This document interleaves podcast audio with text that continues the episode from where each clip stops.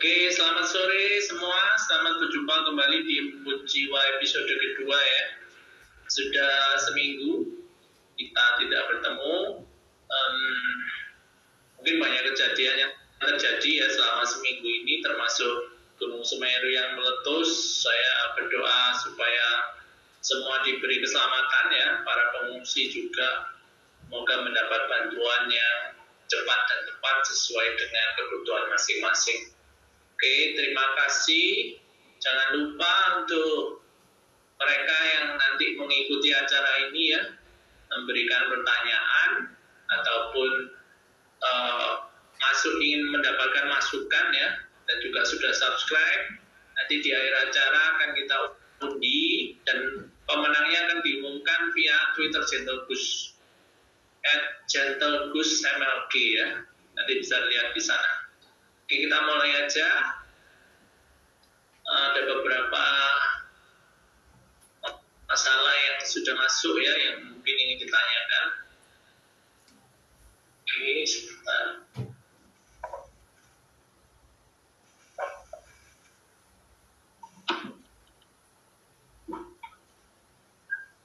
Oke, pertanyaan pertama. Pak, saya seorang wanita berusia 24 tahun. Sekarang saya mungkin agak trauma pacaran karena tidak ada yang serius ingin menikah dengan saya. Tapi sekarang ada yang mendekati saya seorang cowok berumur 25 tahun. Serius ingin langsung menikah, tapi dia meminta saya untuk bekerja dulu, sementara dia menyelesaikan kuliah S2-nya. Bagaimana menurut pendapat Bapak? Oke ya. Ini uh, ceritanya udah langsung mau nikah ya, serius ya. Tapi mungkin uh, kalau perkenalannya singkat ya, istilahnya tanpa pacaran dulu ya tentu aja plus minusnya. Mungkin uh, saudari A, kita sebut dari saudari A ini ya, trauma pacaran kalian mungkin beberapa kali pacaran ternyata tidak ada yang serius hanya sekedar happy happy aja ya kemudian sekarang ada yang ingin langsung menikah tapi minta saudari A bekerja dulu sementara nanti suaminya menyelesaikan S2 sebenarnya nggak masalah ya nggak masalah tapi harus ada pengertian dulu dari kedua belah pihak, terutama saudari A sendiri, karena begini, menikah yang tanpa pacaran atau perkenalan lebih dulu itu kan pasti istilahnya harus saling kenal ya. Yang pacaran lama aja setelah menikah banyak masih banyak harus beradaptasi, apalagi mungkin yang sama sekali belum kenal ya. Jadi harapan saya kalau memang akhirnya menikah dan nanti suaminya yang melanjutkan S2 sementara saudari A bekerja untuk memenuhi kebutuhan rumah tangga ya ya tentu nggak nggak istilahnya nggak bisa memaksakan oh ya harus harus begini uh, harus begitu karena saya mencari uang dan lain-lain. Tentu banyak adaptasi yang harus dilakukan. Adaptasinya tentu nggak mudah karena selama ini kan mungkin di masyarakat Indonesia itu umum berlaku bahwa mungkin suami yang mencari nafkah, sementara istri mungkin sebagai pelengkap untuk nafkah ya. Jadi kalau uh, suami nanti menyelesaikan S2 ya harapannya nggak lama-lama. S2 mungkin bisa tiga tahun selesai, tergantung jurusannya juga. Jadi masukan saya kalau memang ternyata nanti menikah, ya penyesuaiannya harus mungkin harus lebih banyak dan lebih sabar. Aja mungkin kiranya bisa menjawab pertanyaan dari saudari A ya. Oke. Berikutnya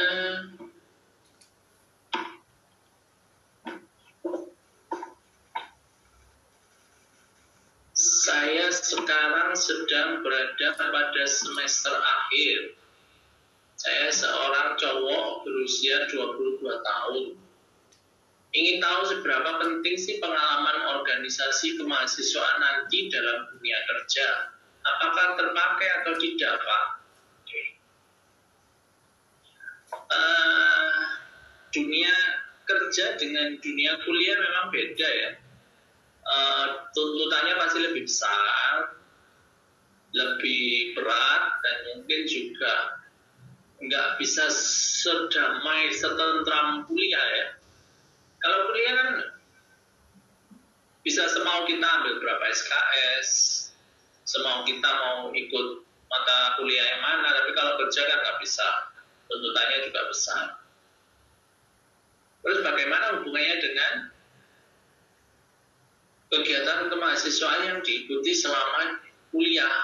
Atau apa? Kepake? Ya, tergantung kegiatan kemahasiswaan yang bagaimana yang kita ikuti ya kalau kegiatan kemahasiswaan tersebut umumnya bersifat ekstrakurikuler, ya tentunya nanti disesuaikan dengan jenis pekerjaan yang dilakukan. Contohnya begini, kalau Anda ikut Mapala, mahasiswa pencinta alam ya, sementara nanti pekerjaan Anda accounting, ya tentu saja nggak terpakai tapi kalau e, misalnya pekerjaan dulu di lembaga kemahasiswaan masuk ke litbang penelitian pengembangan, kemudian anda bekerja di bagian quality control misalnya di suatu pabrik, ya pasti kepake ya kan.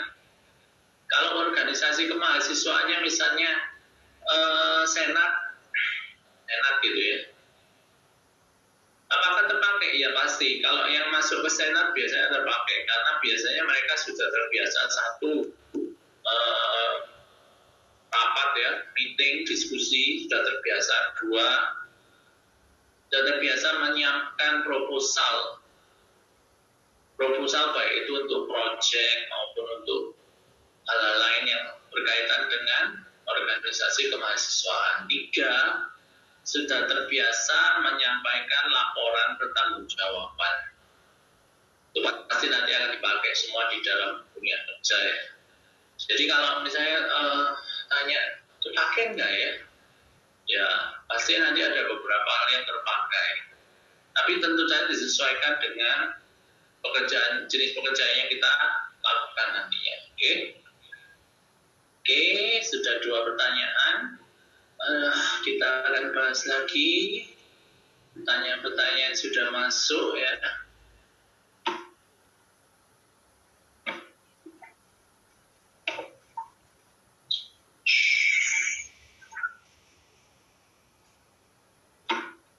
Oke, menurut Bapak seberapa penting sih komunikasi yang baik antara anak dengan orang tua? Melihat zaman sekarang banyak orang tua yang tidak dekat dengan anaknya. Jangankan dekat, bicara saja sulit. Ini yang terjadi dengan saya. Saya seorang cewek berusia 19 tahun. Oke. Okay. Ya memang kedekatan dengan orang tua kadang nggak mudahnya begini ya. Uh, kita berusaha mendekatkan diri, orang tuanya nggak deket orang tuanya berusaha mendekatkan diri kita yang nggak deket oke okay?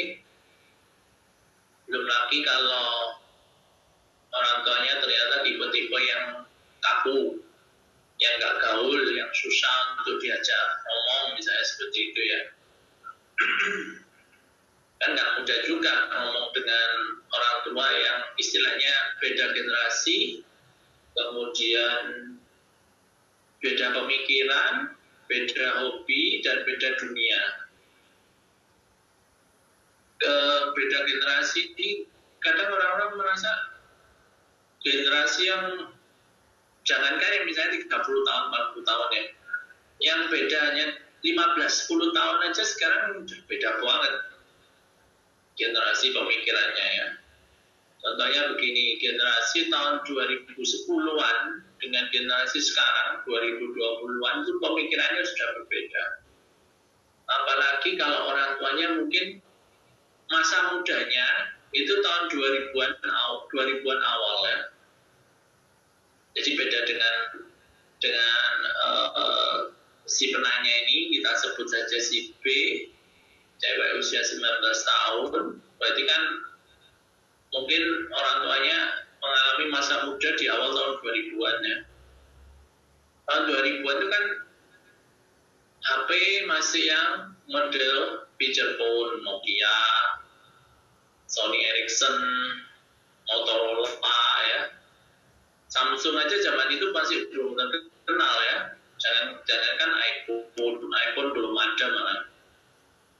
Jadi mereka internet juga ya internet belum belum terlalu masih hanya sekedar email, kemudian website-website tertentu, kebanyakan dari Amerika ya, website Indonesia waktu itu paling hanya apa ya, detik itu sudah mulai ada, tapi sisanya masih belum ada. Kantor-kantor berita rata-rata belum ada zaman itu. Jadi kalau pemikiran zaman tahun 2000-an awal atau 90-an akhir dengan generasi yang 2020 secara informasi aja sudah beda jauh ya secara teknologi dan informasi sudah beda jauh. Jadi kalau mau ngomong juga mungkin kadang nggak nyambung. Yang sekarang semua serba tech, serba gadget. Mungkin yang orang tuanya sekarang masih cari koran kalau pagi ya, masih baca koran, masih cari majalah. Mungkin karena kan ya zaman itu koran masih masih lumrah ya, koran, majalah masih lumrah. Jadi bukan sesuatu hal yang aneh Zaman sekarang aneh ketika orang masih baca koran, baca majalah, semua sudah ada di gadget.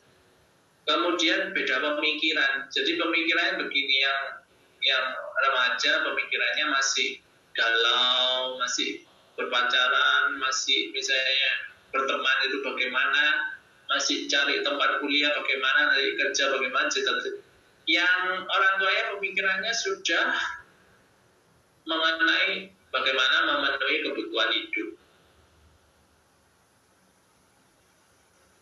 Jadi beda. Dan bedanya jauh. Bedanya jauh sekali ya. Kemudian uh, beda mengenai ini. Beda lagi yang mengenai pemikiran, beda dunia. Dunianya mungkin kalau yang si ini ya, remaja putri si ini masih dunia lepas dari SMA masuk ke perguruan tinggi. Sementara orang tuanya mungkin sudah 10-15 tahun lebih bekerja atau bahkan mungkin sudah 20 tahun bekerja. Jadi dunianya mengenai kerja kerja kerja. Jadi kalau mau cerita gaul juga mungkin ketinggalan jauh dan ya. Karena kan mungkin yang dipikirkan selama 20 tahun itu ya kerja kerja bagaimana meningkatkan karir bagaimana mengembangkan bisnis dan lain-lain jadi gimana caranya supaya ngomongnya nyambung ya? Ngomongnya mungkin bisa nyambung, bisa enggak. Tergantung pendekatan dari kedua belah pihak. Kalau mau nyambung bisa dicari mulai dari hobi, hobi yang sama. Mungkin hobinya nggak nggak bisa sama ya, nggak bisa sama persis. Uh, contohnya orang tuanya misalnya hobinya apa? Mancing. Atau hobinya apa? Uh, otomotif. Sementara si cewek ini hobinya mungkin ya uh, gak tahu hobi anak cewek sekarang apa ya? Macam-macam ya. Yang pasti orang tuanya mungkin harus didekatin dari segi hobi dulu.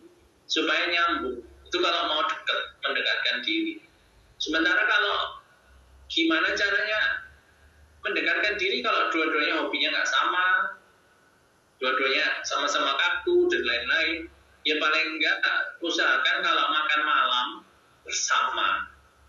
Kalau makan malam nggak bisa bersama, ya akhir pekan makan bersama atau keluar makan bersama.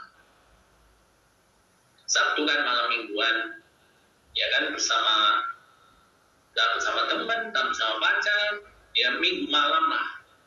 Minggu malam lah makan bersama keluarga, oke? Okay? Kalau berusaha mendekatkan diri, pasti lama-lama akan dekat karena kan satu rumah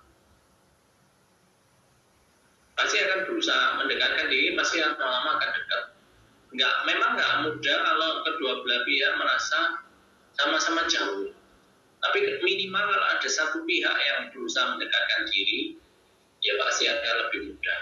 Oke, okay? harapan saya sih seperti itu. Oke, semoga ini bisa menjawab pertanyaan. Berikutnya,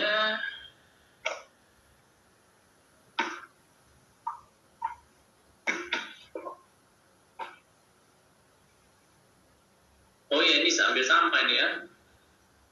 Um, kadang tidak mengerti dengan pikiran orang tua saya. Saya dijutekin, dimarahin, dibentak-bentak. Tapi mereka protes kalau saya tidak mau dekat dengan mereka. Saya seorang cowok usia 17 tahun. Oke, SMA berarti ini. SMA kelas 3 nih ya. Dijutekin, dimarahin, dibentak-bentak. Oke, biasanya kalau seperti itu kenapa uh, orang tuanya seperti itu ya? Mungkin satu mereka dulu juga dididik dengan pola yang seperti itu ya pasti. Jadi mereka menganggap pola seperti itu ya wajar-wajar aja. Gimana cara mengubah? Ya susah. Kalau sudah misalnya sudah uh, tua ya sudah misalnya 40 tahun ini kan cowoknya usia 17 mungkin ya orang tuanya usia 40 tahunan.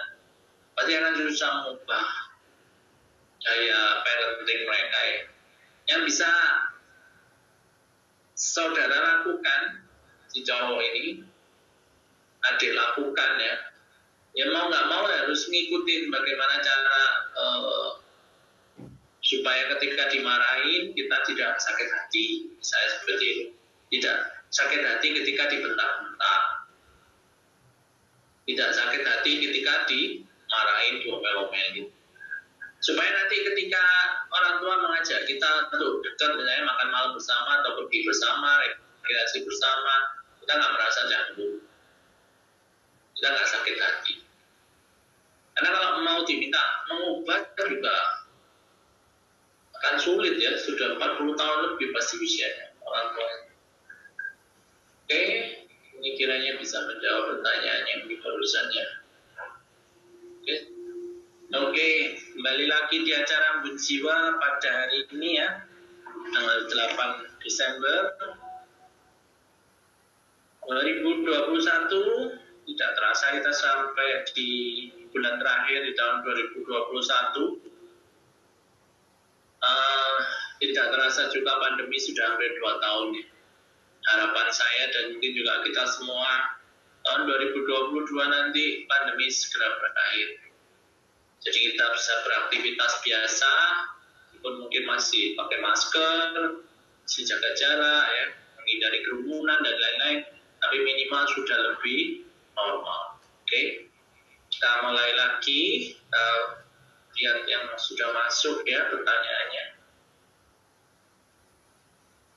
Pak, saya cowok usia 26 tahun. Kenapa kalau bekerja saya cepat bosan ya? Tiap 2 sampai 3 bulan saya ingin pindah pekerjaan. Bagaimana cara mencintai pekerjaannya? Oke. Okay. Uh, eh, ini mungkin kurang nggak nggak nggak dijelaskan sekarang lagi bekerja di bidang apa ya. Tapi kalau pekerjaannya cepat bosan mungkin perlu dipikirkan juga. Dulu ambil jurusan kuliahnya apa kemudian sekarang pekerjaannya sesuai nggak dengan bidang kuliahnya dulu ya?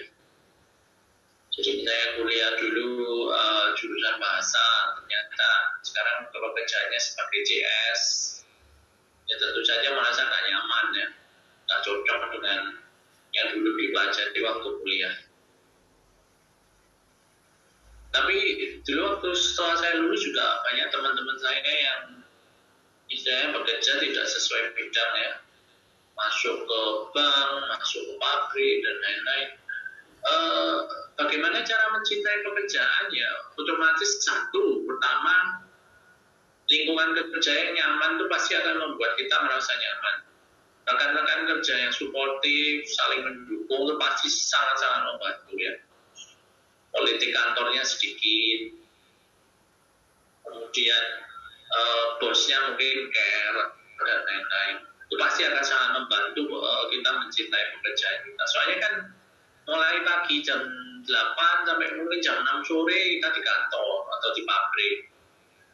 Jadi hampir sepertiga hidup itu dihabiskan di kantor ya, atau di pabrik. Jadi kalau nggak nyaman ya pasti akan merasa, duh nggak betah Kemudian kedua, kalau misalnya di kantor bosnya bosnya uh, killer gitu ya, teman-teman kantor nggak ada yang cocok dan lain-lain. Ya mungkin kita bidang pekerjaan kita mungkin yang kita senangi, misalnya kita selama ini desain grafis dulu kuliahnya dan sekarang pekerjaannya juga desain grafis, graphic designer. Tentu saja akan cocok dan lebih bagus karena kita merasa ya ini memang bidang yang ingin saya tekuni. Itu pasti akan membuat kita mencintai pekerjaan kita ya.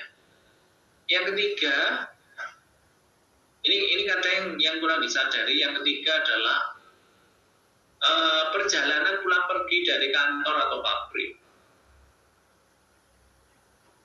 Ya kan itu sangat-sangat berpengaruh. Kalau perjalanan pulang pergi dari kantor atau pabrik itu membuat kita stres, macet, lama, jauh, otomatis sampai kantor ya kita merasa udah jenuh habis energinya ya.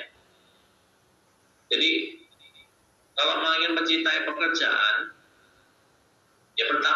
itu dulu eh, lingkungan kantor yang mendukung. Dua, pekerjaannya adalah bidang pekerjaan yang memang dicintai. Tiga, perjalanan pulang perginya nggak jauh atau paling nggak nggak macet karena kalau di Jakarta kan seperti kita tahu sendiri ya, selain macet juga pasti jauh ya saya juga dulu pernah istilahnya bekerja tiga provinsi ya di Jakarta uh, tinggal di provinsi Banten di Tangerang Tangerang Selatan pabriknya di Bekasi Jawa Barat. Jadi kalau berangkat itu melewati tiga provinsi, yaitu Provinsi Banten, Provinsi DKI Jakarta, dan Jawa Barat. Setiap pagi berangkat setengah enam pagi. Pulang sampai rumah sudah jam setengah sembilan malam. Jadi kalau orang merasa iya itu akan membuat kita stres, iya. Pasti stres Apakah itu membuat kita tidak nyaman? Iya kadang-kadang. Tapi e, kalau lingkungan di kantor nyaman, sportif, mendukung dan bidang kerja pekerjaan itu yang kita cintai ya itu pasti nggak akan terlalu terasa ya. Jadi tiga hal itu yang mungkin akan bisa kita pikirkan untuk bagaimana kita nanti mencintai pekerjaan kita. Oke? Okay? Oke, okay. kembali lagi di acara Munjiwa ya kita sudah sampai pada sesi terakhir dari menjawab pertanyaan-pertanyaan yang masuk. Oke. Ini masih berkaitan dengan pekerjaan ya. Pak, saya seorang cowok berusia 24 tahun. Teman-teman udah banyak yang pada kerja di perusahaan atau bank, sementara saya masih menganggur. Saya sudah berusaha setiap hari untuk mencari kerja tapi belum berhasil. Apa yang perlu dilakukan, Pak? Oke. Uh, dari pekerjaan itu gampang-gampang susah sebenarnya. Uh, ada yang istilah berjodoh atau enggak berjodoh ya mungkin, tapi usaha tetap harus jalan. Saya kurang tahu nih karena nggak disebutkan uh, bidang kuliah dan jenis pekerjaan apa yang dicari ya. Jadi saya akan jawab secara umum aja dulu ketika kita cari pekerjaan otomatis kan zaman sekarang uh, istilahnya banyak loker-loker lowongan kerja online bisa dicoba dulu di situ kemudian uh, membuat CV kurikulum PT juga banyak sekali contohnya ya baik bahasa Indonesia maupun bahasa Inggris di internet sudah banyak sekali. Jadi nggak usah khawatir. Bisa dicoba aja yang sesuai. Menurut menurut adik ini sesuai uh, dengan bidang pekerjaan maupun nanti bidang kuliahnya apa ya yang sesuai apa. Bisa disesuaikan dengan CV. Kemudian yang kedua yang ini kelihatannya sepele ya, tapi kalau kita punya banyak koneksi tentunya lebih mudah untuk mencari pekerjaan. Contohnya begini, ada beberapa perusahaannya itu yang istilahnya tidak memasang lowongan pekerjaan di online karena dia hanya butuh misalnya dua orang saja ya kan jadi kalau pasang locker di online kan mahal mungkin kalau hanya cuma butuh dua staff kan kelihatannya kurang efisien ya, nggak ekonomis. Jadi pasti dia tanya ke karyawan-karyawan maupun manajer yang sudah bekerja di sana. Apakah punya teman yang ingin bekerja untuk bidang A, B, C yang sesuai? Itu pasti udah.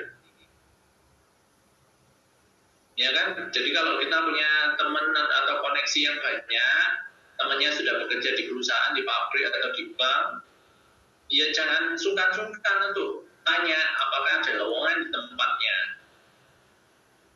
Kelihatannya ini sepele ya, tapi kalau kita sering-sering bertanya kan otomatis secara tidak langsung kita memberitahukan pada teman kita bahwa kita lagi mencari pekerjaan. Siapa tahu minggu depannya, dua minggu depan, teman tersebut ditanyai oleh HRD di bagian di perusahaan masing-masing, apakah punya teman yang bekerja di bidang ini, bidang ini, ini lagi butuh, oh, cuma satu orang aja, ya kan itu bisa jadi istilahnya kesempatan lah buat kita ya. Nggak perlu merasa malu atau sungkan atau apa kan kita hanya bertanya aja. Apakah ada lowongan pekerjaan di tempat A di tempat B tempatnya masing-masing? Uh, tetangga-tetangga juga mungkin kalau hubungannya dekat bisa ditanyai juga. Siapa tahu perusahaannya membutuhkan. Karena lowongan kerja yang hanya beberapa itu misalnya hanya butuh satu dua orang staf pasti tidak akan dimasukkan ke loker online. Pasti udah. Karena kan secara nggak efisien kan. E, misalnya untuk lowongan-lowongan di job street di LinkedIn dan lain-lain itu kan e, mungkin biaya pemasangannya dihitung per minggu. Mungkin sekitar 300-400 ribu untuk satu lowongan. Mungkin. Tergantung jenis perusahaannya juga ya kalau perusahaan yang besar itu pasti mungkin di atas satu juta untuk pasang locker uh, seminggu. HRD-nya kan pasti juga mikir uh, apakah efisien ekonomis untuk pasang satu juta lebih seminggu hanya untuk mencari satu dua orang staff. Pasti akan ditanyakan ke karyawan yang sudah bekerja atau manajer yang ada di situ.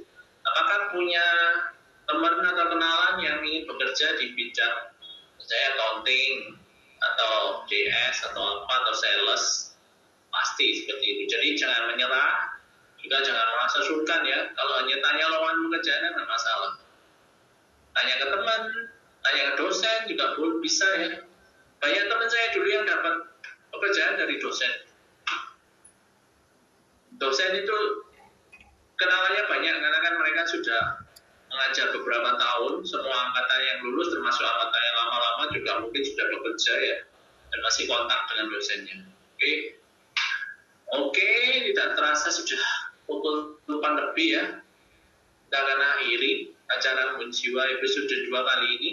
Terima kasih bagi mereka yang sudah mengirimkan pertanyaan. Kita tunggu pertanyaan-pertanyaan lain untuk minggu depan jam 3 sore setiap hari Rabu ya. Oke, terima kasih.